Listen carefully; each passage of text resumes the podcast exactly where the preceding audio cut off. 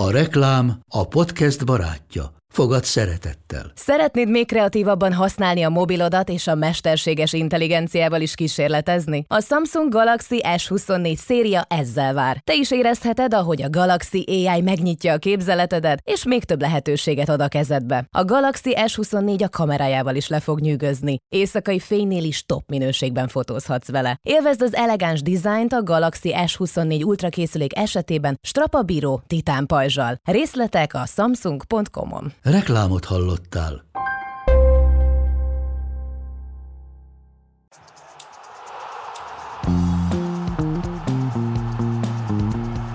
Ez a teljes terjedelem. Magyarország első futballpodcastja.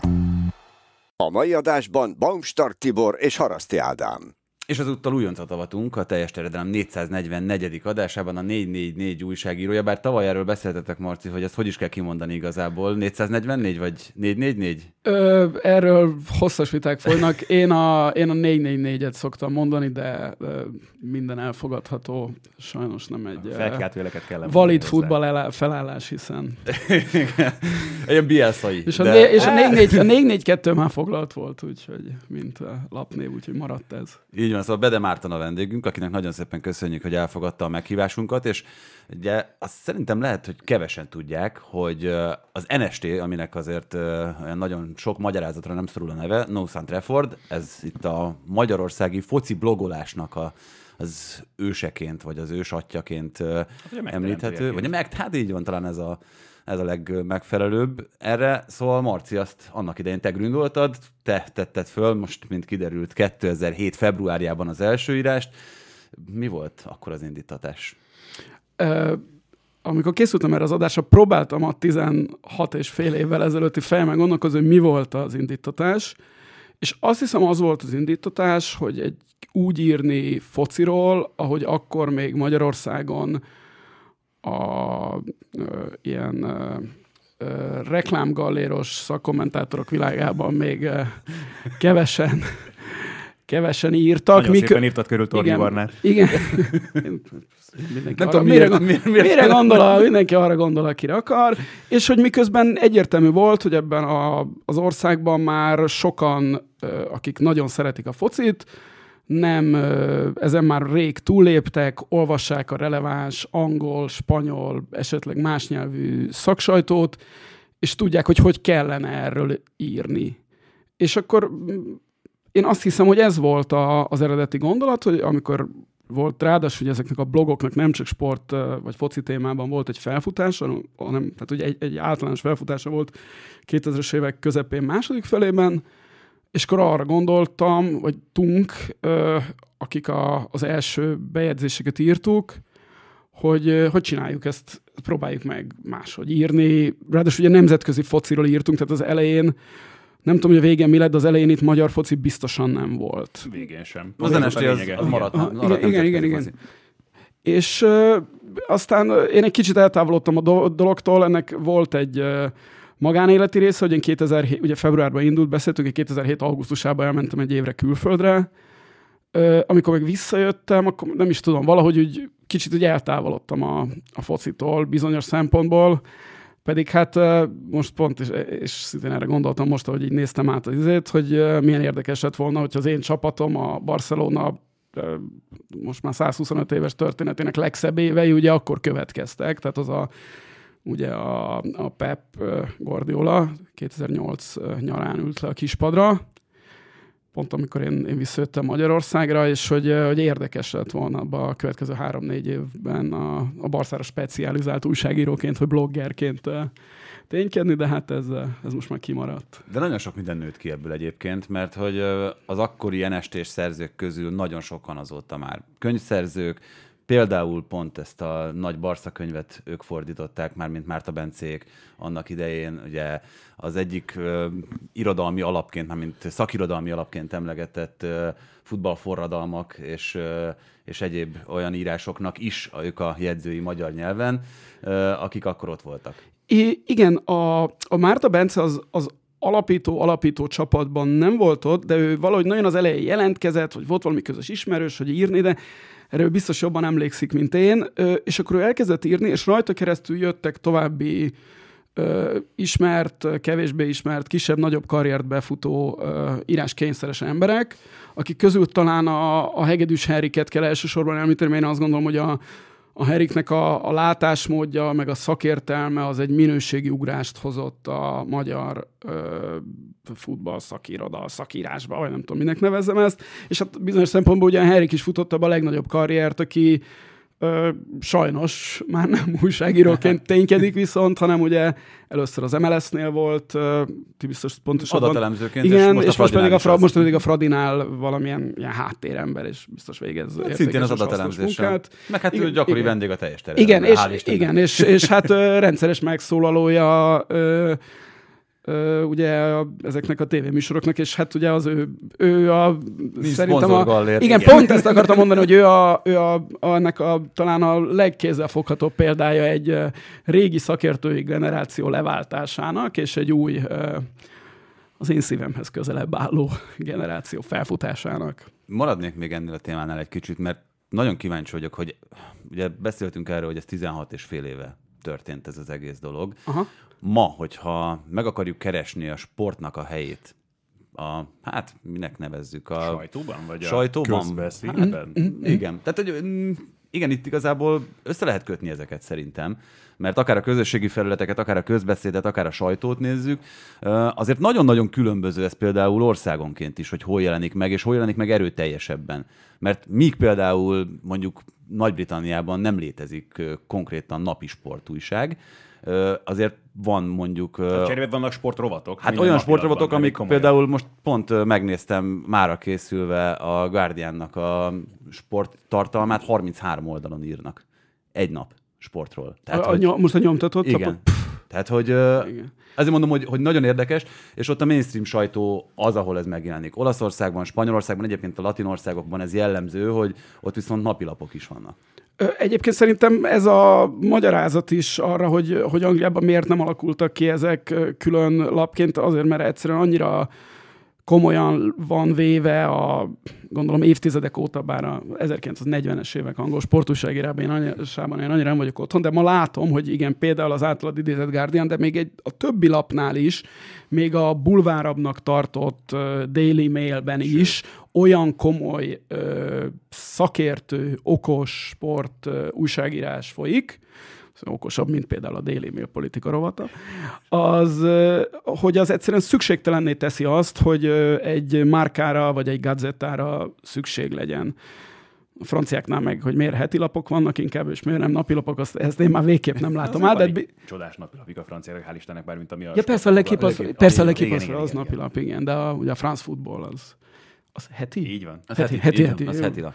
Jézusom. Az heti lap, de egyébként ott is áttevődött ez egy kicsit abba az irányba már, hogy mindegyiknek van saját honlapja, mindegyik uh-huh. ott azért napi híreket közöl, és amit mondasz itt, meg beszéltünk itt az angol sajtóról, ott is például, hogyha BBC-re fölmész, ott is, hogyha a fülek között választasz, nyilván nem véletlenül kerül a második vagy a harmadik helyre a sport, majdnem mindenhol. Persze. Tehát, hogy ez gyakorlatilag a politika után a legtöbb helyen lényegében az első. Meg hát igen, és nem, nem is annyira, mert hogy azt, mi a fontos, ez egy végeláthatatlan vita, és nyilván megnyitni is fölösleges, de az, hogy kereskedő, tehát hogy mi adja el a lapot, abban biztos, hogy a sport nagyon fontos. Ennek ugye a, a legkézzelfoghatóbb példája az Atletik, amit azért vett meg a New York, New York Times, Times igen, tehát ugye az Atletik egy független uh, sport uh, napilap a sport honlap vállalkozásként indult, ugye a legjobb szerzőket szerződtették le nagyon sok helyről, nagyon, nagyon jól csinálják,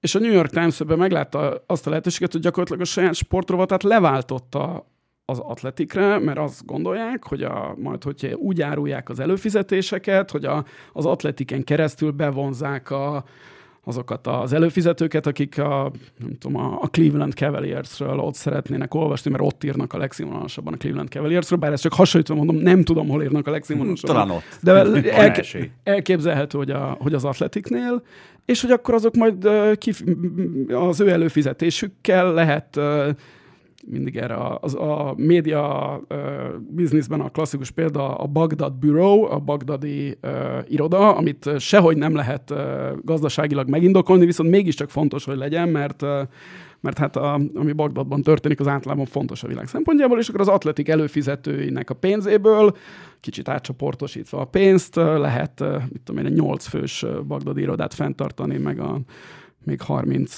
géppisztolyos ört köréjük, amiben egy bagdadi iroda fenntartása gondolom kerül, bár nem tudom, mert olyan, ugye Magyarországon ezek annyira más kaliberen futnak, tehát az, hogy egy magyar lapnak legyen bagdadi irodája, ugye Soha nem merült fel, ma meg még kevésbé. Van egy olyan sejtésem, hogy az NST viszont nem ezzel a célzattal indult annak idején, nem tudom, hogy mennyire lett volna szükségetek Bagdad irodára. Nem, Akkoriban... bár az iraki futball az egy nagyon érdekes dolog, és uh, egyébként az egyik első, van, van ez, ez most véletlen, de az első posztok közt az egyik, az valami az iraki válogatottról szól, mert ilyen tök jó teljesítettek. Olimpián Igen. játszottak azt hiszem. És akkor, az nagyon, nagyon érdekes volt, ugye, hogy a, a pokoli körülmények, meg az, azok az évek, nem tudom, több százer vagy millió halottja ellenéről ki tudtak állítani egy versenyképes válogatott, és egyébként most sem olyan rossz az iraki foci, tehát nyilván a, nincs olyan pénz benne, mint a, a Szaudiba, meg olyan tömeg mögötte, mint az irániba, de az egy vállalható futball van ott ma is. Úgyhogy lehet, hogy még erre lenne Dablog a jelenlegi formájában, vagy a, bocsánat, abban a formájában, amiben mondjuk a 2000-es években létezett halott? Már a műfaj? Igen. Ö, hát nyilván a, a szóval ez, ez a blog, ez egy átmenet volt, a, már a blog mint műfaj, szerintem az, az egyfajta átmenet volt a, a hagyományos ö, média és a social média között, mert uh, voltak, uh, tehát mind a kettőre jellemző jegyeket meg lehetett benne találni, hogy így mondjam, egy, tudod, lehetett követni szerzőket, meg ilyesmi, ami úgy inkább a, a social médiában van, de már ez persze ugye újságok is átvették, például az Atletiknél is, ha jól tudom, tehát lehet azt, hogy lehet szerzőt, szerzőt követ. követ. És, és a ott is nagyon sok volt bloggerből, igen, tehát a, hogy igen, ezt abszolút felszippantott ezt a tartalmat igen, a, igen, igen, sajtó. Hát ugye a, mindenhol ez nem csak a, a médiára jellemző, hogy egy okos vállalkozás az figyeli a friss, fiatal, te, felbukkanó tehetségeket, és igyekszik bevonzani őket. Ez valószínűleg a, a 2000-es években ezek a blogok voltak, ahonnét volt egy átmenet mm-hmm. a, a, mint egyébként a Henrik példája is mutatja. Tehát, hogy onnét volt egy, egy nem is egy kacskaringós út, hanem egy országút, vagy autópálya a mainstream média felé. Ez valószínűleg ma inkább a, a social média felől van. Az Atletiknek van az a szerzője, aki a, a zonal... Michael Cox, igen. Igen, aki a zonal marketingot csinálta, ő, ő egy Abszolút. Twitter fiók volt eredetileg? Hát, vagy mi, blog, hát ez a zonal blog, blog volt, igen, blog, igen, igen, és akkor, és akkor abból, abból ment át de vannak még ilyenek, akik, akik nem tudom, hogy, hogy Twitter fiókokból, vagy, vagy, vagy, vagy Instagram, nem tudom honnan, biztos öt év múlva majd a TikTokból fognak átmenni, de... Ez, tehát, hogy... elég egy, hogy mondjam, tehát látszik ebből a szempontból szerintem azért, és pont ezt akartam hozzáfűzni, hogy nem biztos, hogy azt kimerném jelenteni, hogy a blog mint műfaj halott lenne, de hogy nincsen akkora trendje jelen pillanatban, mint volt annak idén, és tök jól ragadtad meg szerintem a lényeget, hogy valóban a, a klasszikus médiafogyasztásról való átállás az on-demand világ felé volt. Szerintem abban egy nagyon fontos mérföldkő a blog, és most már nem biztos, hogy ez a legfontosabb, vagy a leglátványosabb hely, ahol meg tudnak jelenni mondjuk akár új szerzők is, vagy új tartalomgyártók, hogy ezzel a nagyon modern, meg szintén trendi népszerű kifejezés éljek, de hogy igen, ennek most lehet, hogy éppen egyébként a videós tartalomgyártás. Így van, így van, így van, és hát látom is, én a én két sportot követek igazán, az egyik a foci, a másik az országúti kerékpár, és ott, ott is látom, hogy hogy podcastokból hogy lehet, vagy nem tudom, mennyire követitek Bringa? Szeretem nagyon. A, a, a Lantern Rouge podcastot uh-huh. ismeritek, ami a most már gyakorlatilag egy nagy játékos lett a, a Bringa média, a foci médiánál lényegesen kisebb világában, aki egy ausztrál, meg egy belga srác elkezdtek hülyeségeket beszélni, hát a hülyeségen nyilván viccelek, de hát, hogy mi ebben a podcastban elkezdtek dumcsizni a Bringáról, és kiderült, hogy erre, erre nagyon nagy szükség van, és esetleg még jobban is csinálják, mint azok, akik évtizedek óta ezért kapják a fizetésüket. Igen, mondjuk itt gyorsan akkor egyet még azért savanyúan hozzáteszek, mert kicsit azzal kapcsolatban vannak kétségeim, hogy az, amit a blog adott, hogy valami fajta mélyebb betekintést egy-egy témába, azt pont ezek a hát kicsit hangzatosságra törekvő social media felületek elveszik, mert csak hogy egy példát mondjak itt a múlt heti műsorból, szerintem tök jó dolgokat mondtunk a Derby Itáliáról, és elmondtuk, hogy mi miért történt azon a meccsen.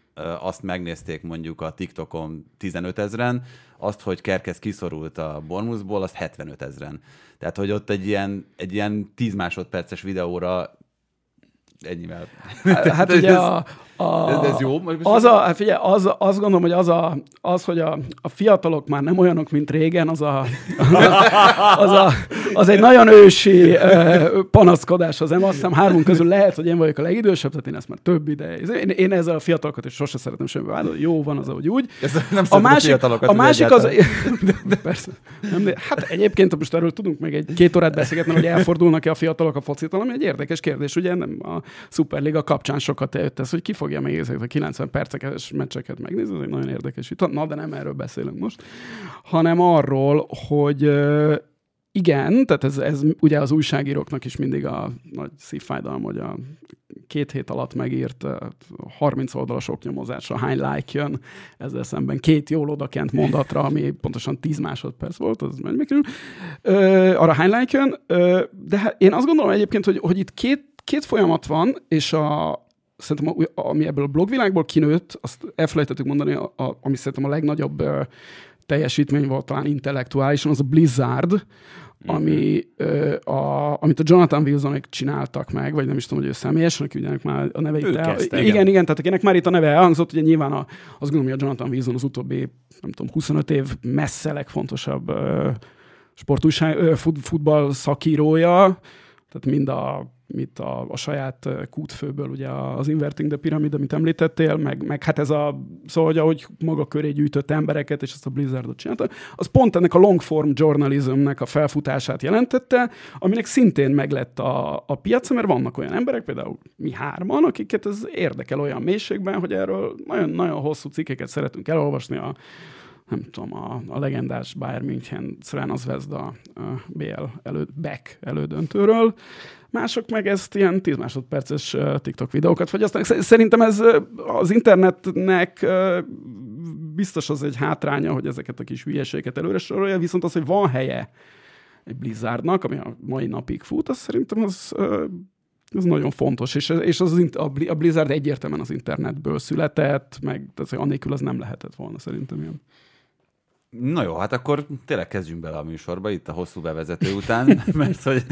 Minden... Az elméleti háttér után most forduljunk a gyakor. Igen, forduljunk az egyszerűbben feldolgozható, gyors pillanatnyi dolgok felé. Itt a hét pillanatát fogjuk feldolgozni, és Marci, megadom a lehetőséget, hogy akkor említs egyet az elmúlt hét pillanatai közül, ami leginkább megragadott a fociban. Hát engem a leginkább a fociban az ragadott meg, hogy végre meghallgattam a magyar foci az nálam lényegesen jobban értő kollégáim által a 444-ben felvett podcastot arról, amit a montenegrói meccs után vettek föl, amikor ugye lezárult a csoportkör, hogy, hogy hol tartunk, hol tart most a magyar futball, és hol tart most a magyar válogatott, és főleg, hogy hol tart Szoboszlai Dominik, amiből a 444 szerkesztőségén belül külön létező foci kukac 444.hu szaklistán, ahol ugye akiket idegesít a futball, és azért vannak ilyenek a 444-ben, nem, nincsenek rajta, bár ez a, sajnos ez egy kisebbség, bár nagyon hangos kisebbség, akiket nem érdekel a futball, és ott egy vita alakult ki arról, hogy a, az aranycsapat és Szoboszlai Dominik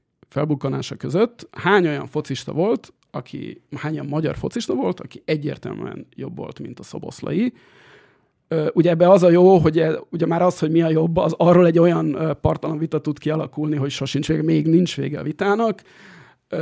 Ez már leágazott olyanokba, hogy végignéztük, hogy az aranylabda szavazásokon melyik magyar játékos melyik évben hány szavazatot kapott, és ez mennyire lehet bizonyítékként kezelni. Van egy olyan vita is, szintén egy leágazásaként a fő vitának, hogy a 60-as évek Ferencváros és Vasasa mennyiben, illetve a 70-es évek Újpesti Dózsája mennyiben volt tekinthető európai nagycsapatnak, hol van a helye a, például egy két évvel ezelőtti uh, Lipcséhez képest, hogy a melyikben, miből volt nagyobb teljesítmény bizonyítani. És uh, egyébként bennem, bár ezt még nem dobtam be, de be fogom dobni, egy újabb kérdés is kialakult hogy az aranycsapatból, az aranycsapat klasszikus 11-ének, amiről egyébként tudjuk, hogy azt hiszem három vagy négy meccsen álltak úgy föl, ahogy azt a, uh-huh. a magyar nemzeti tudatban megmaradt, hogy abból a 11 játékosból ki volt jobb, mint a Szoboszlai, és ki nem. Mert szerintem nem volt mindenki jobb, mint a Szoboszlai. Hát Nyilván, mindenki biztos, hogy nem. Persze. Igen, ugye az egy, miközben a, a Sándor Csikar meg valószínűleg jobb volt, aki ugye tudjuk, hogy, hogy éppen azért nem játszott az, az aranycsapat szabadba, hogy ne legyenek olyan sokan elől, akik olyan nagyon-nagyon jók. Úgyhogy nekem ez volt a, nekem ez a hét pillanat, ez a hömpölygött. Egyébként, ha valaki föltenni a kérdést, most ott tart a vita, hogy aki biztos, hogy jobb volt, mint a mai Szoboszlai, mert természetesen nem tudjuk Szoboszlaiban mi lesz, az a Mészöly, az Albert természetesen, a Bene, valószínűleg a Tihi, és én azt gondolom, hogy a Nyilasi is, és ezen kívül vannak még ilyen nem egyértelmű esetek, mint Dunai, Göröcs, felmerült Varga Zoltán neve is, sőt, még Ebedlié is, a nagyon elvetemültek, bedobtak. Töröcs, ugye, a, tö, ugye a töröcsikkel és a détárival az a gond, hogy őket nagyon-nagyon nehéz az ismert szomorú élet pályájuk miatt tehát azt ugye lehet mindig mondani, hogy tehetségesebb volt, és hogy elkutyavetjélt a tehetséget. Én, én nem tudom a, a, a töröcsiket és a détárit. Egyszerűen, tehát annyira furcsa az az életmű, hogy, ez, hogy ezt nagyon nehéz bármihez hasonlítani. Egyébként nagyon érdekes, és ezt mindenkinek ajánlom, hogy nézze végig, a, a, hogy melyik magyar játékos hogy kapott aranylabda szavazást. Nekem a legérdekesebb az egyébként az volt, hogy 61-ben Grosicsra még szavaztak, én nem gondoltam, de egyébként például a Bundzsákra is jött szavazat, és a legérdekesebb az az volt, hogy 1966-ban, és ezzel most már befejezem ezt a, a már kicsit engem is untató gondolatkört, hogy 1966-ban, amikor a magyar válogatott talán a tehát az utóbbi 60 évben leginkább a kirakatban volt, tehát akkor mindenki látta, hogy ezek mit tudnak. Három magyar játékos volt az első tízben az aranylabda szavazáson, a, természetesen az Albert, a Bene és a Farkas, és valamilyen fura okból Mészai Kámára a kutya nem szavazott, pedig hát ha valamikor láthatták, hogy mit tud. Na jó, szóval ennyit szerettem volna csak hm. mondani. És nektek mi volt a hét pillanat? Ádi? Ritkán szoktunk miatt nagyobb megjedne bárki a német másodosztályjal foglalkozni, bár lesznek hasonló kirohanásaink itt még, vagy kitöréseink a további hét pillanataival kapcsolatban. De ugye egyrészt már eleve az is egy érdekes dolog, hogy hamburgi derbit rendeztek a másodosztályban. Ez egy nagyon szomorú tény a németek számára, hogy a HSV most már évek óta küzdik azzal, hogy az Istenek nem tud visszajutni a Bundesligába. Nevetségesebb, ne nevetségesebb módon, vagy inkább fájdalmasabb, fájdalmasabb módokon bukják általában a feljutást. Most még az a szomorú helyzet is fennáll, hogy ráadásul ugye az ősi rivális Pauli még előttük is áll a bajnokságban, de úgy futottak neki ennek a derbinek pénteken, hogy az első két helyezett volt ez a két csapat a Bundesliga 2-ban. 2-0-ra vezetett az első fél időben a Zák Pauli, de a második gólt ajánlanám mindenkinek figyelmébe. 2-2 lett egyébként a meccs végeredménye. De az, amit eh, szegény Daniel Hayer Fernandes, a HSV kapusa produkált, hát az tényleg a burlesque film sem feltétlenül illő vagy megfelelő terep lenne ahhoz annyira blőd, vagy banális, vagy nevetséges, ahogyan a saját kapujába juttatta a labdát. A dologhoz hozzátartozik, hogy a HSV-nak az utóbbi években rendre ilyen kapusai vannak, mármint nem bénák, nem ezt akartam mondani, hanem olyanok, akik tehát nyilván a modern trendeknek megfelelően is próbálnak már lábbal ügyes kapusokat szerződtetni. Volt náluk ugye Ulreich is, Pollersbeck elég messzire is elkeveredett aztán Németországból az ott töltött időszak után, és Hajer Fernandes is ez a kategória. És ebből alakult ki a dolog eleve, amikor ugye indítják a labdakihozatat, húzódik ki a kapu elől, hogy nyissa a terepet, hogy tudjon segíteni a társaknak abban, hogy ha letámadás van, akkor őt is meg tudják játszani, és még jobb helyzetbe tudjon keveredni. Ebből fakadóan viszont ugye el is ment a saját kapuja elől, az időjárás is belejátszott azért ebbe a szerencsétlen mozdulatba. Tényleg az a legjobb, hogyha rákerestek a nevére, meg egyáltalán ennek a hétvégi meccsnek az összefoglalójára, mert egészen elképesztő képsorokkal fogtok találkozni. Te ezt láttad egyébként? Természetesen láttam, és abszolút, tehát azt gondolom, hogy még egy understatement, amit most itt elhangzott. Tehát tényleg a, a, most a kedvenc ilyen öngólom, de ez csak mint a, talán mert én általában az angol válogatott ellen drukkolok, az a, amit a Robinson hozott össze Horvátországba, ha emlékeztek, Igen, ami maga magában is nagyon vicces volt, de ez sokkal. Tehát ez, ez egy lapon nem lehet említeni annyira, annyira abszurd, ami történik, igen. Ahogy kell. Ö, és akkor Bence meg egy egészen távoli helyről hozott nekünk, szerkesztőnk egy hét pillanatát. Igen, hogyha azt mondtuk, hogy a Bundesliga kettővel ritkán szoktunk foglalkozni, akkor ez azt hiszem, hogy a görög első osztályal kapcsolatban még inkább elmondható, sőt lehet, hogy debütál igazából nálunk a görög bajnokság, de az kétségtelen, hogy érdemes meghallgatni azt a történetet, amit Bence hozott nekünk erről a hétvégéről. Eddig is hajlamos voltam a hét pillanataim során hipsterkedni, na de milyen lesz ez az eheti 10 sárga lap, 2 piros lap, 3 megítélt 11-es, 2 hosszú percekig tartó varozást követően végül nem megítélt büntetőgyanús szituáció, 2 szintén hosszú percekig tartó videózást követően visszavont olimpiákhoz gól, és végül összességében majdnem 20 percnyi hosszabbítás a két félidő végén. Mindez megtörtént a Volos Olimpiákos görög bajnokin vasárnap, és hogy ez miért tűnt fel nekem egyáltalán, erre a válasz az, hogy mert a Twitter feedemen egy idő után visszatérő elemmé kezdett válni, hogy hát egyes felhasználók fogadási csalás gyanúját kiáltották a mérkőzéssel kapcsolatban ami, hogyha az ember visszanézi az összefoglalót, és például az olimpiákhoz két elvett gólját, illetve az, hogy milyen körítése volt az egésznek, nem egy feltétlenül alaptalan ö, vádaskodás a mérkőzéssel kapcsolatban, de tényleg szürreális volt az egész. A 90 plusz harmadik percben végül könygáz és füsterdő mellett le kellett vonulnia a játékosoknak, mert a kilátogató szurkolóknak elege lett a folyamatos varozásokból és visszavont ítéletekből. Végül befejezték a meccset, és 2-2 lett, de hát hogy hogyan lehetett ennyi eseményt belesűríteni egy találkozóba?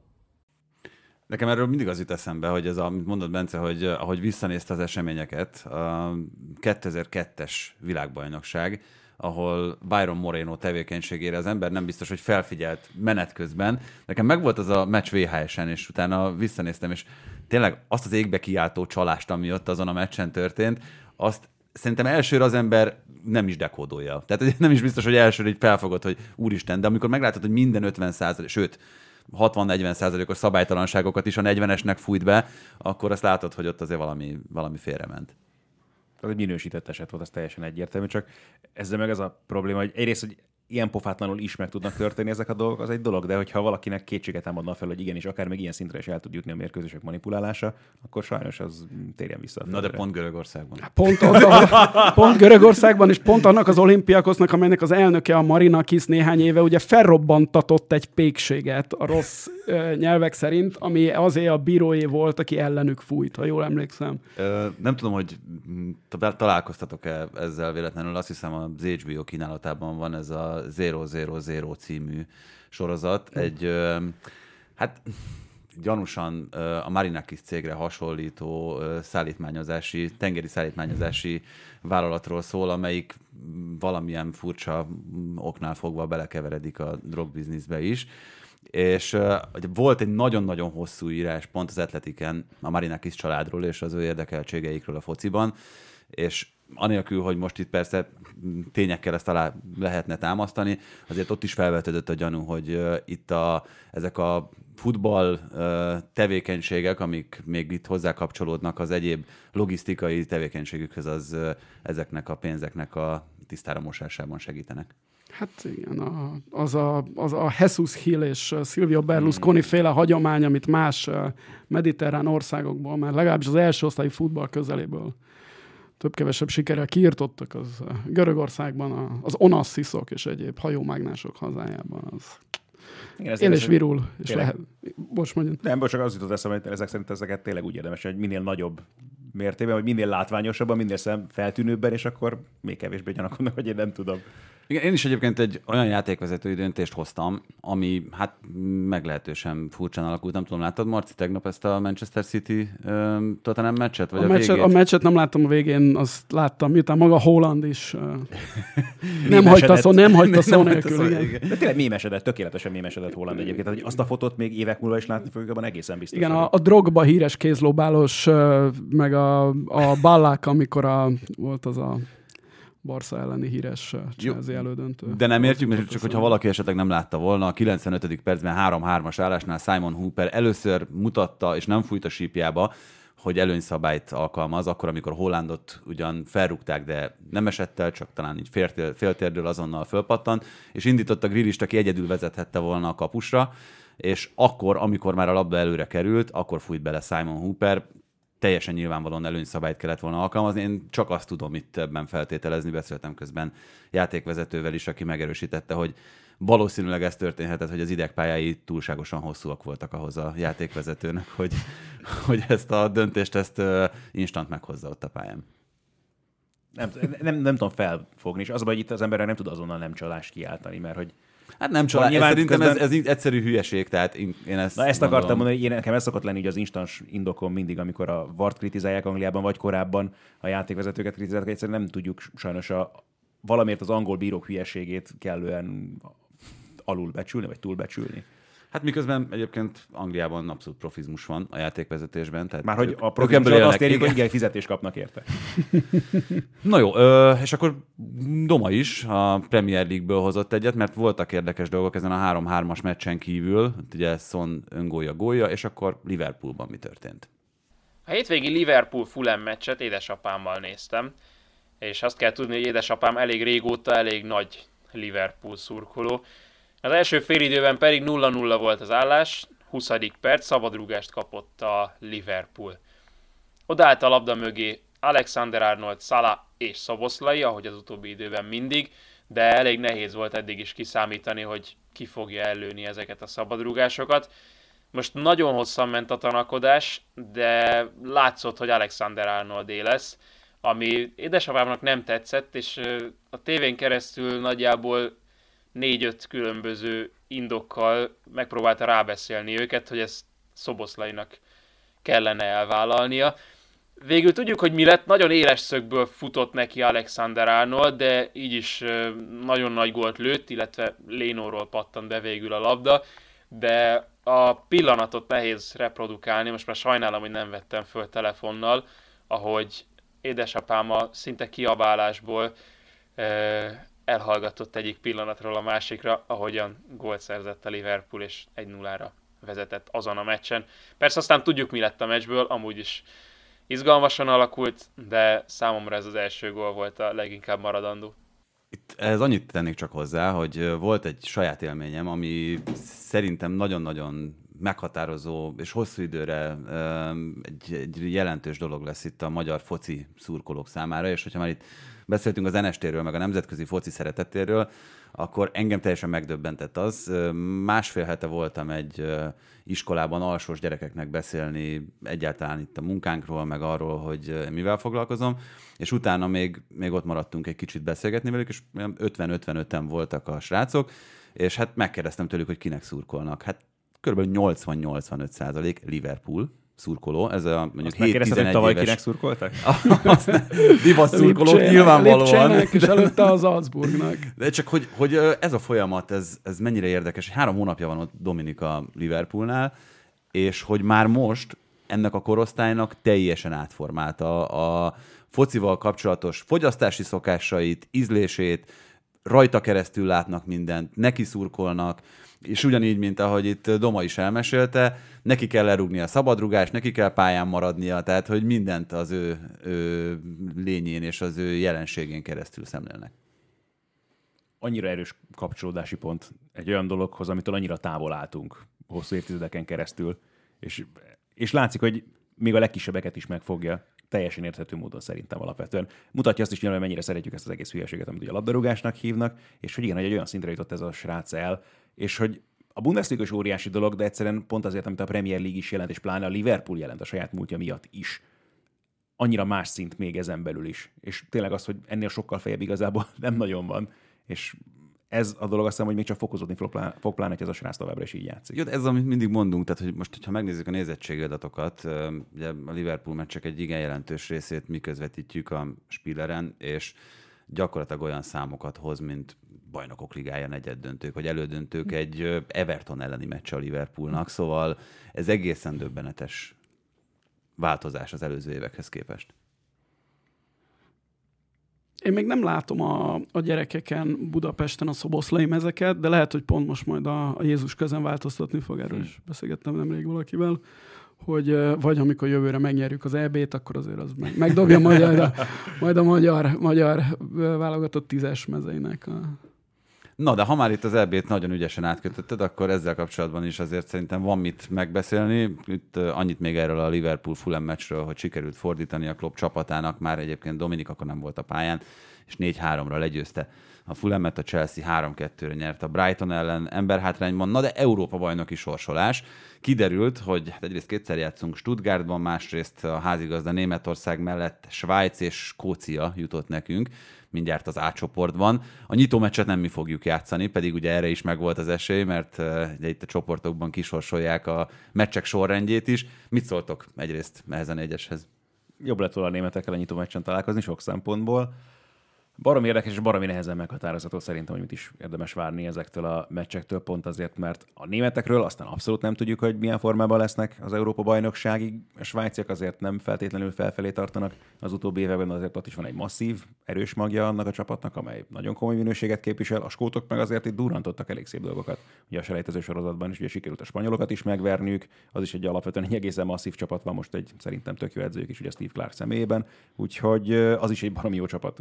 És lehet, hogy sokan legyintenek mondjuk akár rájuk is, nem szabad pontosan azok miatt az eredmények miatt, amiket sikerült itt a selejtezőben is elérniük. Hát nekem ezzel kapcsolatban egyébként kicsit más a véleményem, hogy a svájciak kiegyensúlyozottan Európa leg, olyan, vagy leginkább olyan válogatottja, amelyik viszonylag biztosan vette itt ezeket a selejtezőket. Ők náluk deficit szerintem edzői Így van. munkában van, tehát Murat Jakin azért talán nem sorolható a legkiválóbb edzők közé, miközben Steve Clark, aki ugye Mourinho segítője volt még annak idején, is, is és uh, szerintem a Premier League-ben is nagyon jól dolgozott, még a West Brom irányítójaként annak idején. Uh, ő szerintem nagyon jól látható, hogy merre indult el ezzel a skót válogatottal, úgyhogy az szerintem egy izgi meccs lesz. Az, hogy most Nagelsmannnal hogy fog kinézni ez a német válogatott, szerintem azt még senki nem tudja a földön, úgyhogy emiatt három ilyen nagyon, tehát a svájciakban nagyon sok a minőség, szerintem ott a kispadon hiányzik inkább, a skótoknál ez pont fordítva van, a németek meg, hát ugye házigazdaként nagyon erősek, de azért ez még egy formálódó csapat itt Nagelsmann alatt. Én hozzád állok azt hiszem közelebb, én, mert a, ezt megnéztem, és a svájciak 14 óta, amikor mindig kijutottak a világversenyre, mindig tovább mentek a csoportból. Az, hogy van-e itt egy generációváltás, vagy gyengébben most az edző, mint a, az előző, akinek gyorsan akartam mondani a nevét, az a délszláv nevű, ki volt az elő svájci szövetségi kapit... Ja, Petkovics, Igen, Petkovics. őt akartam, aki nyilván egy, ő, tehát ott azt gondolom, hogy nem kérdés, hogy egy igen, nagyon abszolút. jó edző volt, és nagyon jól összerakta azt a de csapatot. Bocsánat, Svájc 2012-ben is titkos esélyes volt. De, a klasszikus. De, de, de, akkor viszont azt hiszem kiestek a csoportból. Nem, nem is voltak ott. Nem, ez ja, egy másik akkor nem, mert, mert, mert, mert, nem, ja, nem, nem, nem, nem értem a poént akkor. Nem, nem, nem, mindegy, hagyjuk is. Nem, de most ez úgy is tud, vagy van, aki nem tudja, biztos hallgatók közül, hogy a Kovács Kálmánnak volt ez a mondás a szegénynek a torna előtt kérdezték meg, hogy hát ő ki a Svájc titkos favorit. Az, az Ingalér reklámos szakértő generáció. Mi, ki tudja Henrik mit mondott volna annak idején. Igen, szóval igen, egyébként Svájcnál igen, én, én azt gondolom, hogy alakulhatott volna ez a sorsolás rosszabbul, de azért bőven alakulhatott volna úgy is, hogy a magyar válogatott az első két hely valamelyikére ö, esélyes lett volna. Én azt gondolom, hogyha itt most az ember nem magyar, vagy nem svájci, vagy nem német, akkor enne, és megkérdezik tőle, hogy ö, ki, a, ki lesz az első kettő. Én azt gondolom, hogy a németek és a svájciak az esélyesek, és a magyaroknak, de hát ez nem csak a FIFA világranglista miatt, hanem, hanem én ezt gondolom. Ugye mondhatom azt, hogy nem tudom elképzelni, hogy a németek még egyszer elcseszék, de ugye már a, ezt már a 22-ben is ezt mondtuk, hogy ezt egyszerűen elképzelhetetlen, hogy még egyszer elcseszék, és 18-ban is, amikor a dél-koreaiak alázták meg őket, igen, akkor volt dél-korea, és most Japán, most ugye Japán, jól mondom, igen. Szóval, hogy, hogy akkor is az, hogy egy német válogatott kiessen egy e, nagy tornában a csoportkör, ez egyszerűen hihetetlen. Én most is azt mondom, és hogy a, meglátjuk, milyen lesz a Nagelsmann, de azért egy komoly edző, meg, meglátjuk. De én, én tehát azt nem tudom elképzelni, hogy a németek kiessenek. Azt gondolom, hogy a, a svájciak, bár nincs egy uh, szoboszlaiuk, mert aki az ő szoboszlaiuk volt, az azért már egy kicsit idősebb. Uh, a, a Nem, mint két Tomás meg... Müller az ő szoboszlaiuk, vagy ki? A, a, a, sváj, a svájciaknál, a svájciak, ja, ja, a svájciaknál a különböző, különböző uh, albánok. Én azt gondolom, hogy itt a ha nagyon nagy pénzt kéne tennem, akkor, akkor a, én a harmadik helyre fogadnék a magyar válogatottnak, amivel ugye inkább tovább megyünk, mint nem, hiszen négy harmadik tovább megy. Az, hogy, után, ugye az, hogy utána mi lesz, azt egy nagy torna esetében nincs értelme beszélni, mert egyszerűen, hogy, annyira, hogy, hogy kivel játszunk, ez a jó ég tudja, jó, jó lenne tovább menni a csoport, az, az, amit a Csányi Sándor úr mondott, hogy a reális elvárás a továbbjutás, azzal én maximálisan egyet tudok érteni, de hát... A célkitűzés. Igen, igen, a... igen szóval az, az igen, az, én azt gondolom, a, ugye a másik gondom nekem, hogy én azt gondolom, hogy még nem láttuk, hogy ez a magyar válogatott valójában ö, mennyit ér, mert erre bizonyos szempont, tehát sem ami az EB csoportban volt, ami egy, bizony egy nagyon könnyű EB csoport volt, hiszen egyetlen igazán nagy csapattal sem kellett játszanunk. Sem ez a furcsa nemzetek ligája, amin ugye fantasztikus sikereket értünk el. A selejtező csoportra gondoltál Igen, igen, a selejtező, igen, igen. Sejte, tehát hogy egyszer az, az sem, én szerintem ott se lehetett felmérni, hogy mit tudunk egy nagy tornán, és, és bár tényleg tehát a, fantasztikus volt a nemzetek ligája menetelés, de én azt gondolom, hogy a, az ismert okokból nevezetesen, hogy ezt nem mindenki veszi ugyanilyen komolyan, az, hogy mit tudunk egy angoloknak. Egyébként az például, az, a, ilyen szempontból az előző EB, csak az már ugye messze van, de amikor majdnem tovább mentünk ebből a tényleg halálcsoportból, e, tehát annál csak nehezebb csoport elképzelhetetlen lett volna, az, az már többet mondott el arról, hogy mit tud ez a magyar válogatott, de hát azóta sok minden változott, például hát, a Szoboszlai is egy másik játékos. Vagy de mondjuk abszolút egyetértek azzal, amit mondasz. Mondjuk a VB selejtezős angol meccs, az idegenbeli X, az mondjuk lehet, hogy ebből a szempontból egy kicsit közelebb hm. visz minket a valósághoz, mert az tényleg egy valódi tétmérkőzés volt, mint mondjuk a Nemzetek Ligája meccsek. De igen, tehát hogy az igaz értékmére az tényleg most az a csoportkör lesz azzal kapcsolatban is, hogy egyrészt nyilván mire megyünk egy olyan csapat ellen, mint a német válogatott, amelyik azért várhatóan inkább akarja majd birtokolni a labdát. A másik két ellenféle szemben viszont ez nem biztos, hogy elmondható, és ugye megint ezekkel a meccsekkel voltak a problémáink, Lásd Montenegro és társai. Úgyhogy ez lesz az izgalmas kérdés, hogy ezeket a dolgokat mennyire tudjuk ö, kihasználni, magunk javára fordítani, vagy ezekkel a szituációkkal valamit jól kezdeni, hogyha ebben tudunk előrelépni az EB-ig, és szerintem azért vannak erre tervei már Rosszinak, akkor ez, ez lehet egy tényleg egy nagyon érdekes emlékezetes Európa-bajnokság majd. Még egy csoportot szerintem érdemes kiemelni, ezt a spanyol, olasz, horvát, albánt. Biztos albán továbbjutás? hát ugye, ilyenkor az szokott lenni a vége, hogy az albánok tovább mennek, és valamelyik nagy kizúg. Én például, a, bár én már az elő, ennél a VB előtt is azt hittem, hogy ezek a horvátok már túl öregek ehhez, aztán, aztán kiderült, Meg a Nemzetek Ligai előtt is azt gondoltuk, hogy ez a, Kiderült, hogy a Modric az még ezt elég jól bírja, ezt a, ezt a furcsa focit, amit ő, ő játszik. Nem, nem tudom. Ugye azért biztos jobban tudjátok, hogy pontosan hogy alakulnak ki ezek a kalapok, de hát ez a FIFA ranglistán most a világ 8., 9. és 10. legjobb válogatottja, már nem emlékszem melyik sorrendben, a spanyol, olasz és a horvát, és ez azért úgy reális is, hogy ezek mind a hárman benne vannak a legjobb tízben. Hát lehet, hogy, lehet, hogy nem úgy kéne azokat a kalapokat kialakítani. Hát ugye hogy, UEFA koeficiens igen, igen, de formálódnak az... ezek, úgyhogy az egy kicsit más számítás, mint a, mint a FIFA. Mert a FIFA-nál, mert a... Miért? Azért, mert a FIFA-nál ott beleszámítanak például a barátságos meccsek Aha. is, az UEFA-nál pedig ugye különböző súlyozással aha, pár évre aha. visszamenőleg. Hát így fordulhat elő az, hogy mondjuk a címvédő olasz válogatott a negyedik kalapba kerül, tehát az albánok meg föléjük.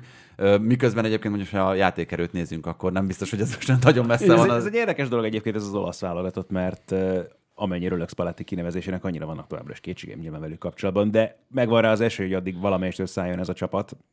Aztán meglátjuk, hogy mit tudnak kihozni ők is az EB-ből, de... Nekem már tetszett egy-két meccsen az olasz válogatott, pont volt szerencsém találkozni velük, úgyhogy bár nem pont az ukránok elleni, ami döntő fontosságú volt, de mondjuk ott is az első fél idő az jól nézett ki.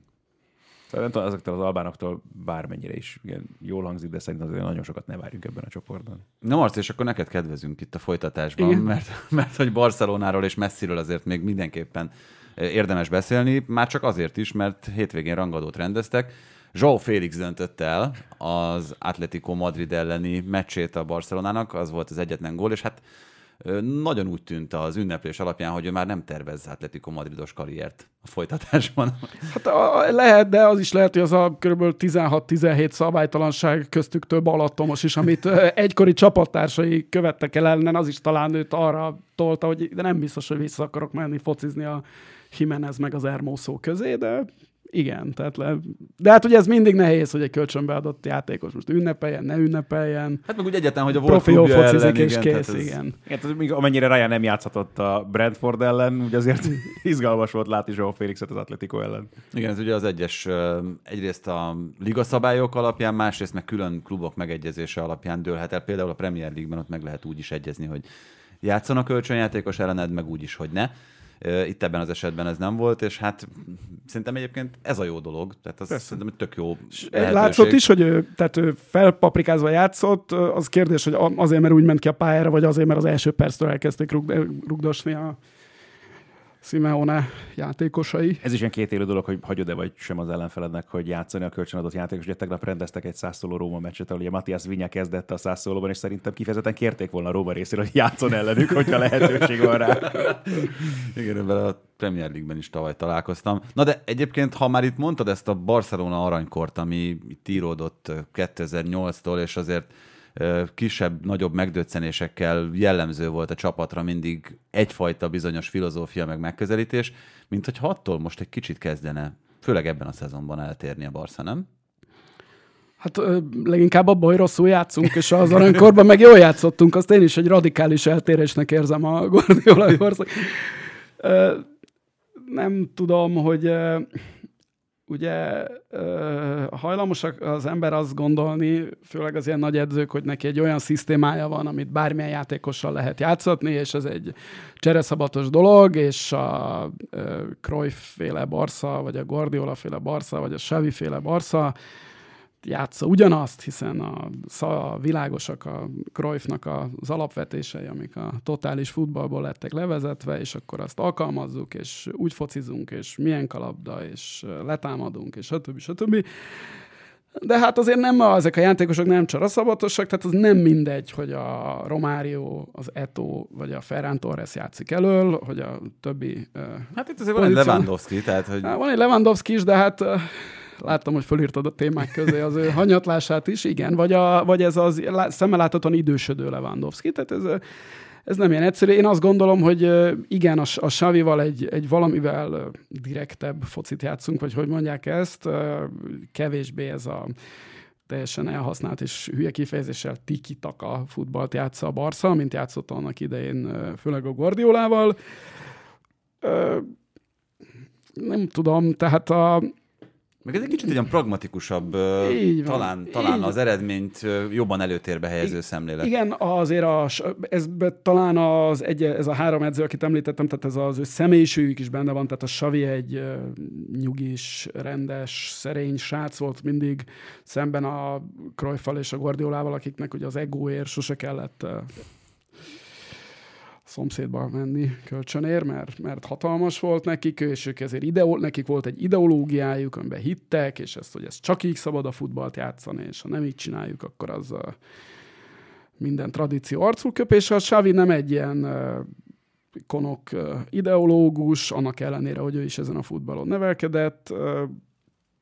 Nem, nem tudom, meg az a helyzet, hogy hogy itt, itt is még ugye a Savi most már két éve van, még, én nem tudnék, tehát, hogy, de pont ezért, mert nem olyan ideológikus indítatású, mint a, mint a Pep, vagy a, vagy a Cruyff volt. De ez így van hogy minden a, egyéb tekintetben igen, is, nem? Hogy, hogy, hogy, mire gondolsz, bocs? Hát arra, hogy mondjuk neki nem annyira lényeges ez a katalán identitás, meg ez a vagy rosszul gondolom? Hát hú, hát erről ugye nagyon-nagyon messzire el lehet menni, és ez, ez egyébként nagyon, nagyon érdekes, egyébként pont a, a Savi katalán identitása, aki a, ugye, a, a, a katalán csapatnak a csapatkapitánya, agya, majd edzője volt. De a Savint ugye úgy hívják, hogy Xavi Hernández. Az Hernández az nem egy katalán név, azért nem egy katalán név, mert neki az édesapja Andalúziából érkezett. Bocsánat, csak a, a vicc kedvéért, ugye a Bernabeu-val ellentétben. igen, igen, így van. Neki az édesapja Andalúziából érkezett, amikor a, még a Franco diktatúra évei alatt is, de ez ma is így van, ugye sokkal jobbak voltak a gazdasági körülmények Katalóniában, és ebben a Terrassa nevű városban telepedett le, ami Barcelonától annyira van, mint, hát, mint Székesfehérvár tőlünk annyira nincs is, és ami a, a, az akkoriban nagyon erős katalán textiliparnak volt a, a központja. A katalán textilipar az, azóta a távol-keletnek köszönhetően megszűnt.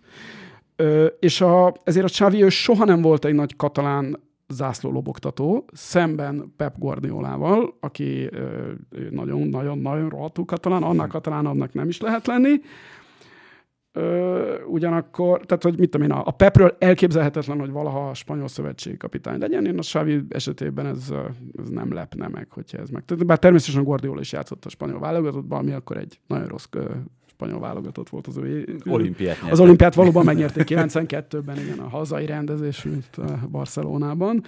Nem, a Savi, a Savi annyira nem, nem katalán, merről is, kany- merről is kanyarodtunk Hát az öntudatról, meg arról, hogy milyen a személyisége az edzőnek, és azt mondom, hogy, hogy talán ez ebben, amit itt az előbb fejtegettél, ez is benne lehet, mint egy ilyen identitás Így van, igen, talán, talán ez is benne van. Egyébként bár nyilvánvaló, tehát nekem soha az életben örömet a csapat nem okozott, és valószínűleg nem is fog akkor örömet dolgozni, mint a Guardiola féle mint a Guardiola féle Barcelona, én ezért nagyon sokáig tudnám a, a Guardiolának a mindenféle pályán kívüli megnyilvánulásait kritizálni, a, a katalán nacionalizmustól kezdve a, hát hogy is mondjam, a, a kettős mércég, amit alkalmaz. Mm-hmm. A mhm. spanyol kormány demokratikus, vélt, és való, vélt vagy valós antidemokratikus, illetve a közelkeleti sejkségek vélt vagy valós antidemokratikus húzásaival szemben. Őt szemmel láthatóan arról nagyon szívesen nyilatkozik, hogy a Madridból hogy nyomják el a katalánokat, arról, hogy Katarban mi történik egy vendégmunkással, vagy más Más, Csak bárkivel, aki oda megy dolgozni. Vagy más kisebbségekkel, akik nem feltétlenül az uralkodó család famulusai, hát erről nem, nem olyan szívesen beszél. A, mint ahogy ugye a Manchester City ellen zajló, mennyi? 115 vagy hány ez van az a híres száma? Uh-huh. Ugye, 125. 125? 115. Valamiért 115 van a fejemben, de lehet, 125. Tehát valahogy, és akkor mindig olyan idegesen reagál, hogy barami becsületesek, még hát azért inkább maradjon csöndben. Neked egyébként honnan jön ez a, ez a Barcelona, meg egyáltalán ez a spanyol mánia? Hogy, mert, Nálam? Igen. Én az apám munkája miatt, mi 1989 márciusában költöztünk ki Barcelonában, tehát gyakorlatilag tökéletesen szinkronba azzal, amikor ez a csapat elkezdett felfutni, mert akkor már egy három év a Cruyff volt az edző, de a azért az elején ott voltak bökkenők, mint hogy még az elsőben nem is, és aztán amikor négy, ez a négy híres bajnokság volt egymás után, a kettő az úgynevezett Tenerifei csodával, amikor mind a kétszer a Real Madrid Tenerifén az utolsó fordulóban el, tehát az egyszerűen hihetetlen, illetve a negyedik, a, a mai napig a legszomorúbb dolog, amit focipályán láttam, amikor a Gyukic kihagyta a 11-est a Depor színeiben a Valencia ellen, mm. ami nem tudom, hogy egyetlen a foci történetben sok ilyen volt-e, hogyha berugod a 11-est, akkor bajnok vagy, ha nem rugod be a 11-est, akkor nem vagy bajnok, ráadásul ez egy kis csapat, ami soha nem volt bajnok, és ahogy a Gyukicot már hogy odaállt ahhoz, szóval azt érdemes megnézni, mert ott látszik, hogy ez, ez nem mehet gyakorlatilag belegurította a, aztán a Depora utána néhány évek később lett bajnok, úgyhogy a történelmi igazságszolgáltatás megvolt, de az, az egy nagyon szomorú dolog volt. És egyszerűen ebből a spanyol nyelvből fakadt ez a dél-amerikai, meg, meg egyéb? Igen, a, a, hát a latin-amerikát meg, meg talán emiatt is, kiskoromban Brazíliában is éltünk szintén az apám munkája miatt, bár akkor túl kicsi voltam arra, hogy bármire emlékezzek, bár arra emlékszem, hogy a 82-es világbajnokságon, amikor három és fél éves voltam, és Éder rugott egy hatalmas gólt a szovjeteknek, ez, ti még kevésbé emlékeztek, mint én, ugye az objektív okokból. Igen. Én nem. és akkor, hogy ilyen, emlékszem arra, hogy ilyen óriási ilyen ordibálás van kint, és az, az nekem a mai napig megvan emlékként, és azóta is utaztam Dél-Amerikába, meg, meg hát nyilván a, a nyelvismeret az sokat segít azon, hogy én bár nem akarok ellenetek beszélni, de én azért, ha tehetem, akkor spanyol kommentárral nézem a, a, a, a Barca meccseit. A mai napig szívfájdalom, hogy ezt legálisan nem tudom megtenni, ugye? Igen, a, a Pedig spanyol, én ezért erre pénzt is áldoznék. Uh, angolul egyébként megteheted legálisan. Igen, mert igen mert, ez, mert, mert, ez az egy nagyon érdekes témakör, hogyha akarunk még csapongani nagyon Na. messzire. Mert ez, hát kíváncsi vagyok, mert nyilván az, hogy a spanyolok a saját dolgaikkal jobban képben vannak, az uh-huh. teljesen uh-huh. egyértelmű. De például a spanyol kommentátori stílussal, mint olyannal, hogy vagy? Ö, ugye a, nem tudom, tehát a, a, a, azért különbséget tennék, vagy nem tudom, ez direkt tehát hogy a, a latin, tehát az a latin-amerikai, az elképzett az ordításokkal. Az vége, tehát az már mindenek a vége. De van, van, ennek a, van egy kis kezdemény azért a spanyol közlekedésben. Igen, a spanyol, ugye azért a spanyoloknál, és főleg a Barca esetében azt nagyon bírom, de egyébként például az angol nyelvű Barca közvetítéseknél is, ahol rendszeresen a, a Ferrer, a szakkommentátor Aha. mostanában, aki a, ugye azért ő, mert ő a Chelsea-be Chelsea volt a Barca után, és azért tökéletesen beszél angolul, de a spanyoloknál, meg a a, fú, most nem jut eszembe a nagy latin-amerikai nagy sport ö, ö, TV hálózatnak, akik közvetített. Globo, vagy? Ja, nem, nem, ja, nem a Global nem. Brazil, hanem igen, a, igen. Hú, nem tudom melyik, és ott meg a Kempes volt sokáig a szakkommentátor, aki a Valenciába játszott, ha jól emlékszem, igen. és hát azért a Kempes elég jól látja a dolgokat, és azt azért úgy, szóval, hogy úgy, úgy, úgy ért hozzá, még hogyha, mint a Guardiola Szoboszlai nevével képtelenek is kiejteni, tehát megközel, tehát néha nem tudom, hogy kiről beszél, mert úgy értik a nevet, de azért ők úgy, úgy látják, hogy hogy, hogy mi van a most pályán. Tényleg most kifejezetten a, a közvetítésre gondolok, mert ugye például, ha csak egy spanyol közvetítés, uh-huh. nagyon sokszor hallom mondjuk ugye a spanyol kommentátorokat bajnokok ligája meccseken, uh-huh. ugye guide kommentátorként, és hogy ott azért egy dolog, van egy kommentátor, van egy szakkommentátor, van egy vagy kettő, vagy három, vagy négy pálya széli riporter, van, aki már az öltözőben igen. van, a, vagy igen. a lelátón ül ugyanúgy mondjuk, vagy közvetlenül a kispad mellett, és pláne bajnoki meccseken ez meg gondolom még Így, nincs egy levegővételnyi szünet. Igen, és sőt, én néha szoktam, hogyha az a nagyon ritka eset adódik, hogy nem tudok a tévé előtt ülni, de ráérek, mert mondjuk autóba ülök, vagy pont futni mentem akkor, és akkor szoktam a katalán rádión hallgatni mm-hmm. a Barca meccseit, az, az ennek hát egy... Nasser? Ö, nem, az ugye már az ilyen madridi dolog, hogy nem, a, a, a, a, a RAC egyen szoktam hallgatni, az a, az a, az a, az a legkatalánabb. És uh, igen, tehát annak, annak van egy stílusa, de én, én, én ezt bírom, meg tehát azt, azt szerintem el lehet fogadni, hogy más, hogy közvetít egy angol, vagy egy magyar, vagy egy hát, spanyol. vagy egy Sokfé- német mondjuk. Sokféleképpen ha... lehet valami jó, mint ahogy a visszatérve az elejére a beszélgetésnek, a foci, tehát írni is más, hogy írnak a márkában, a, mint a, Guardianban. mint a Guardianban, és ettől a de ez a spanyol nem sport új, újság, tehát a, a, main, a mhm. politikai uh-huh. újságírás esetében is egy sokkal irodalmibb nyelvezet, tehát nem ez az elég szigorú szabályai vannak az angol újságírásnak, hogy hírt hogy kell megírni, és a spanyolban tök más, és ez, ez én nem gondolom, hogy egy, egy valid módja van a, a fociról írásnak, vagy, a, vagy egy foci meccs közvetítésének. Az egészen biztos, mert pont ezt akartam mondani, hogy van, akit meg a világból ki lehet keretni, mondjuk egy német típusú közvetítéssel, ahol meg mondjuk nyilatkozni. egy perc alatt beszél mondjuk három szót mondjuk egy kommentátor sokszor. Ez, ez is változó már, mondjuk a klasszikus, mondjuk a Réti Bélát szokták emlegetni, aki tényleg mondjuk öt perc alatt megszólal kétszer. Ez a mai, mai iskola is így néz ki. Pont volt uh, alkalma múltkor hallgatni egy, egy német közvetítést, a német válogatottat uh-huh. közvetítettem, és nekem is a német nyelvű guide volt a fülemen ez megmaradt, ez a stílus. Tehát ez a percenként 8 szónál többet nem használhatunk, ez, ez még a mai német kommentátornak is sajátja. De messziről is ígértem, hogy fogunk beszélni, és nem hagyom ki a lehetőséget, mert hogy itt a kérdés az szerintem Messi jelenséggel kapcsolatban, Messi az Egyesült Államokban erről lesz szó itt még a műsor hátralévő részében, hogy talán mintha áttört volna egy olyan plafon, amit korábban nem tudtak áttörni az Egyesült Államokban. Alakul, alakul. Hogy ott, ott hát, van a rés, és ez kezd tágulni. Kétszer annyi bérlet fogyott el a következő uh-huh. szezonra, ami szerintem már nem az alakulást jelzi, hanem azt, hogy, hogy valami robbanás az, történt. A foci nyilván messzinek köszönhetően beszivárgott a mainstreambe most már az Egyesült hát Államokban. meg 15-szörös áron ö, uh-huh. adják el a jegyeket? A messzi meccsekre, teljesen mindegy, hogy otthon most vendégként tetszik. Ez, egy, Tehát, ez már egy akkora, persze, egy akkora jó, változás. Ami... Világ, igen, igen, igen, de hogy egyelőre ez egy ilyen lokális dolog, és most csak a, a Miami-nek a meccséről beszélünk. Ez akkor lesz izgalmas, hogyha ez mondjuk tud láthatóan hatást kell tenni mondjuk a többi csapat meccsének a nézettségére, meg az elfogadottságára, meg egyáltalán mennyire lesz beszédtém az MLS az Egyesült Államokban. De azért nem mondasz, mert akkor nem jó a megfejtésem. Na. hát sajnáljuk. szóval én arra gondoltam itt ezzel kapcsolatban, és akkor itt most már ezt megcáfolhatjátok, hogyha nem gondoljátok hasonlóan, mint én, hogy egyszerűen az amerikainak a legjobbra van szüksége. Tehát, hogy ők a legjobbat próbálták felépíteni a kosárlabdában, Michael Jordannel, LeBron James-el, uh-huh. Wayne Gretzky-vel a jégkorongban, Barry bonds a baseballban, de lehetne egyébként hosszan, vagy Phelps-el, ugye Phelps, amikor úszott, akkor amiatt rakosgatták át az olimpiai programot, hogy az amerikai főműsoridőre Persze. kerüljön, mert mindenki phelps mindenki a legnagyobbra, a legjobbra volt kíváncsi, és szerintem a fociban ez most messzi, és rá lehetett fölépíteni ugyanazt a bizniszt, mint az előbb említett sportolókra az, hogy nem vagyok képben teljesen ugye az amerikai gurulós foci kezdeményekkel, még ugye a 70-es, 80-as hát években. csak volt ne, csak Pelé Beckenbauer. Ezt akartam tehát, mondani, hogy volt a Pelé Beckenbauer Cruyff, és így van, hogy, hogy aztán az NESN, mint olyan, az úgy elsorvadt viszonylag gyorsan. És aztán ugye tényleg a nulláról kezdték újra a 94-es világbajnokságot követően az MLS-szel. De az meg túl régi próbálkozás volt erre. Az lehet, a... lehet. És lehet, hogy nem volt akkor nyilván a, egyáltalán a médiának az ereje. Mint az biztos. Hát az, hát, akikről beszéltünk itt a későbbiekben, ezek mind a 90-es évek után érkező mm, kulcsfigurák voltak. Tehát, hogy szerintem ott történt egy olyan változás, ami ezt lehetővé tette.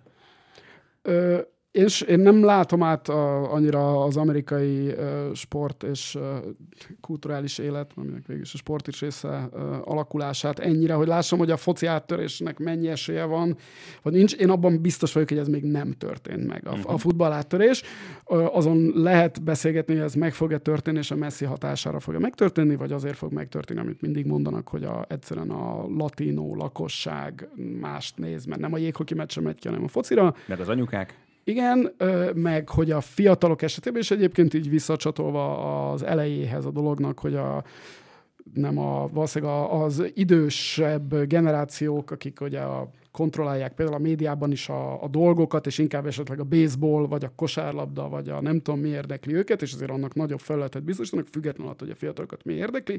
Lehet, hogy ezt majd a, a blogolás, vagy a, vagy a social media, nem tudom, a tiktokerek felől érkező nyomás, ez áttöri ezt, és akkor látszódni fog, hogy igenis az amerikai gyerekek már a a messzit akarják nézni, és nem a, nem a egyébként szintén fantasztikus Wembinyamát. Jó, csak itt van még itt egy olyan dolog, ami szintén megkerülhetetlen. Tehát, hogyha megnézzük azt, hogy 2024-ben ott lesz a Copa America, tehát ugye a dél-amerikai, Igen. bármilyen furcsa hangzik, de amerikai. Ugye, amerikai. Hát jó, tehát ugye nem lenne alapvetés az, mert a, az aranykupa lenne az, amit ott Igen. az északi kontinensnek a külön tornája lenne, de mindegy, Egyesült Államok lesz annak a rendezője. 2025-ös Klub VB, amit még azért nem teljesen tudunk, meg látunk, hogy, hogy majd hogyan fog kinézni, meg mennyire fogják komolyan venni a csapatok, de minden esetre annak is az Egyesült Államok a szervezője, és akkor ott van a csúcsesemény, majd a 2026-os világbajnokság, ahol meg társrendezőként lesz ott Amerika. Tehát ez azt mutatja, hogy magasabbról vagy fölülről is van egy ilyen szándék. Mármint, hogy a foci az egyre hát inkább a, belekerüljön a mainstream. Hát a foci felől biztos, hogy van egy ilyen szándék, hiszen milyen jó pénz lehetne benne, gondolják az amerikai foci irányítói. Jó, de hát ehhez kormánygarancia többen... kellett, hogy ezeket megrendezzék, ezeket az eseményeket. Tehát... Fú, én ennyire nem látom át a Comebol. Igen, tehát ez a, ehhez, a, ehhez a Fehérházban kellett. FIFA-n, a FIFA-nál biztos, hogy szükség volt arra, hogy, hogy meglegyen ez a... Nem, ez, ez, nem fog, fogalmam, fogalmam sincsen. Én azt gondolom, hogy ez Joe Biden alatt. Tehát ez, bár vannak olyan országok a világban, és nem akarok egy országot sem megnevezni, ahol vezetői szinten dőlnek el ezek a dolgok. Én azt gondolom, hogy Amerikában azért néhány szinten a Fehérház alatt dölt el, hogy ezt a, a Commebolnál bejelentkezünk ja, egy, de, egy Copa nem, de nem a kopát mondom, hanem a VB-t most. Itt, nem tudom, az szerintem, az, szerintem az se, azt talán végképp nem a Biden. Egyébként, egyébként pont ezen gondolom, hogy... Lehet, hogy valakinek alá kellett valamit írni egy, egy minisztérium És a 40, 40 aláírandó papír között ott volt az is, hogy 2026-ban VB-t rendez. Nem, ez csak az, mert eszembe jutott, hogy egyáltalán nem tartom lehetetlen elképzelésnek azt, hogyha már ugye most jelentkeztünk éppen bajnokok ligai döntő rendezésére, de simán lehet Pestre hozni Copa Amerikát is. Na minden, akkor, akkor nem, hát ez...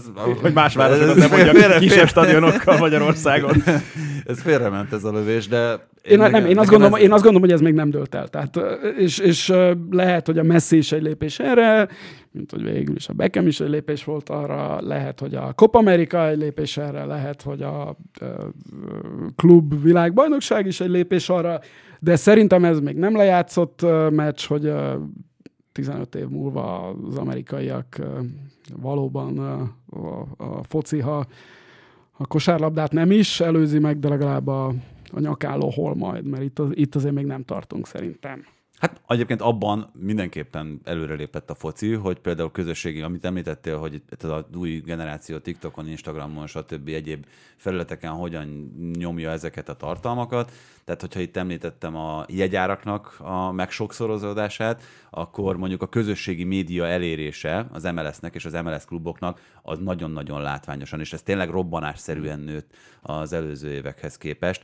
Tehát ebben például sikerült egy ö, olyan nagy öres lépést tenni, ami, ami korábban nem jött össze a ligának. Pedig azért a szándék az mindig megvolt az MLS-ben. Próbálkoztak ők, ugye itt, ahogy említetted, Beckemmel, próbálkoztak Insinyével, próbálkoztak fiatal, kicsit idősebb, de népszerűbb játékosok odavitelével, de valahogy mindig azt érezted, hogy egy bizonyos, bizonyos határ alatt Működik a biznisz, ez egy nagyon fontos része ennek, mert ugye azt sokat emlegették most ugye Beckemmel kapcsolatban, hogy neki valami 25 vagy 30 millió dollárért ígérték azt a franchise jogot, amivel ugye a Miami csapat létrejöhetett és része lehetett az MLS-nek, most meg az új San Diego-i csapat azt a 20 vagy 30 szorosáért kerül be a ligába. Tehát, hogy működik egyébként a biznisz, mint olyan, így is köszönjük szépen jól van, és még mi lenne, hogyha esetleg sikerülne szintet léptetni mondjuk ilyenekkel, mint Lionel Messi.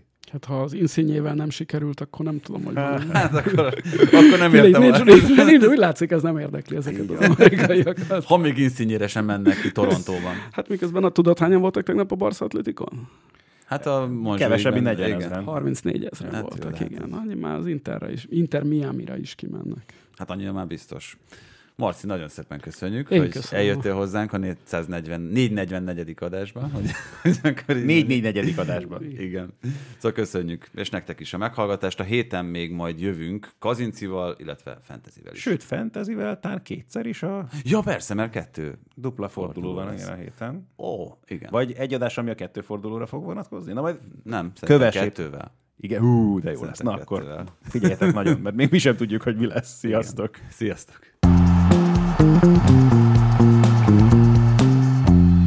Ez a műsor a Béton közösség tagja.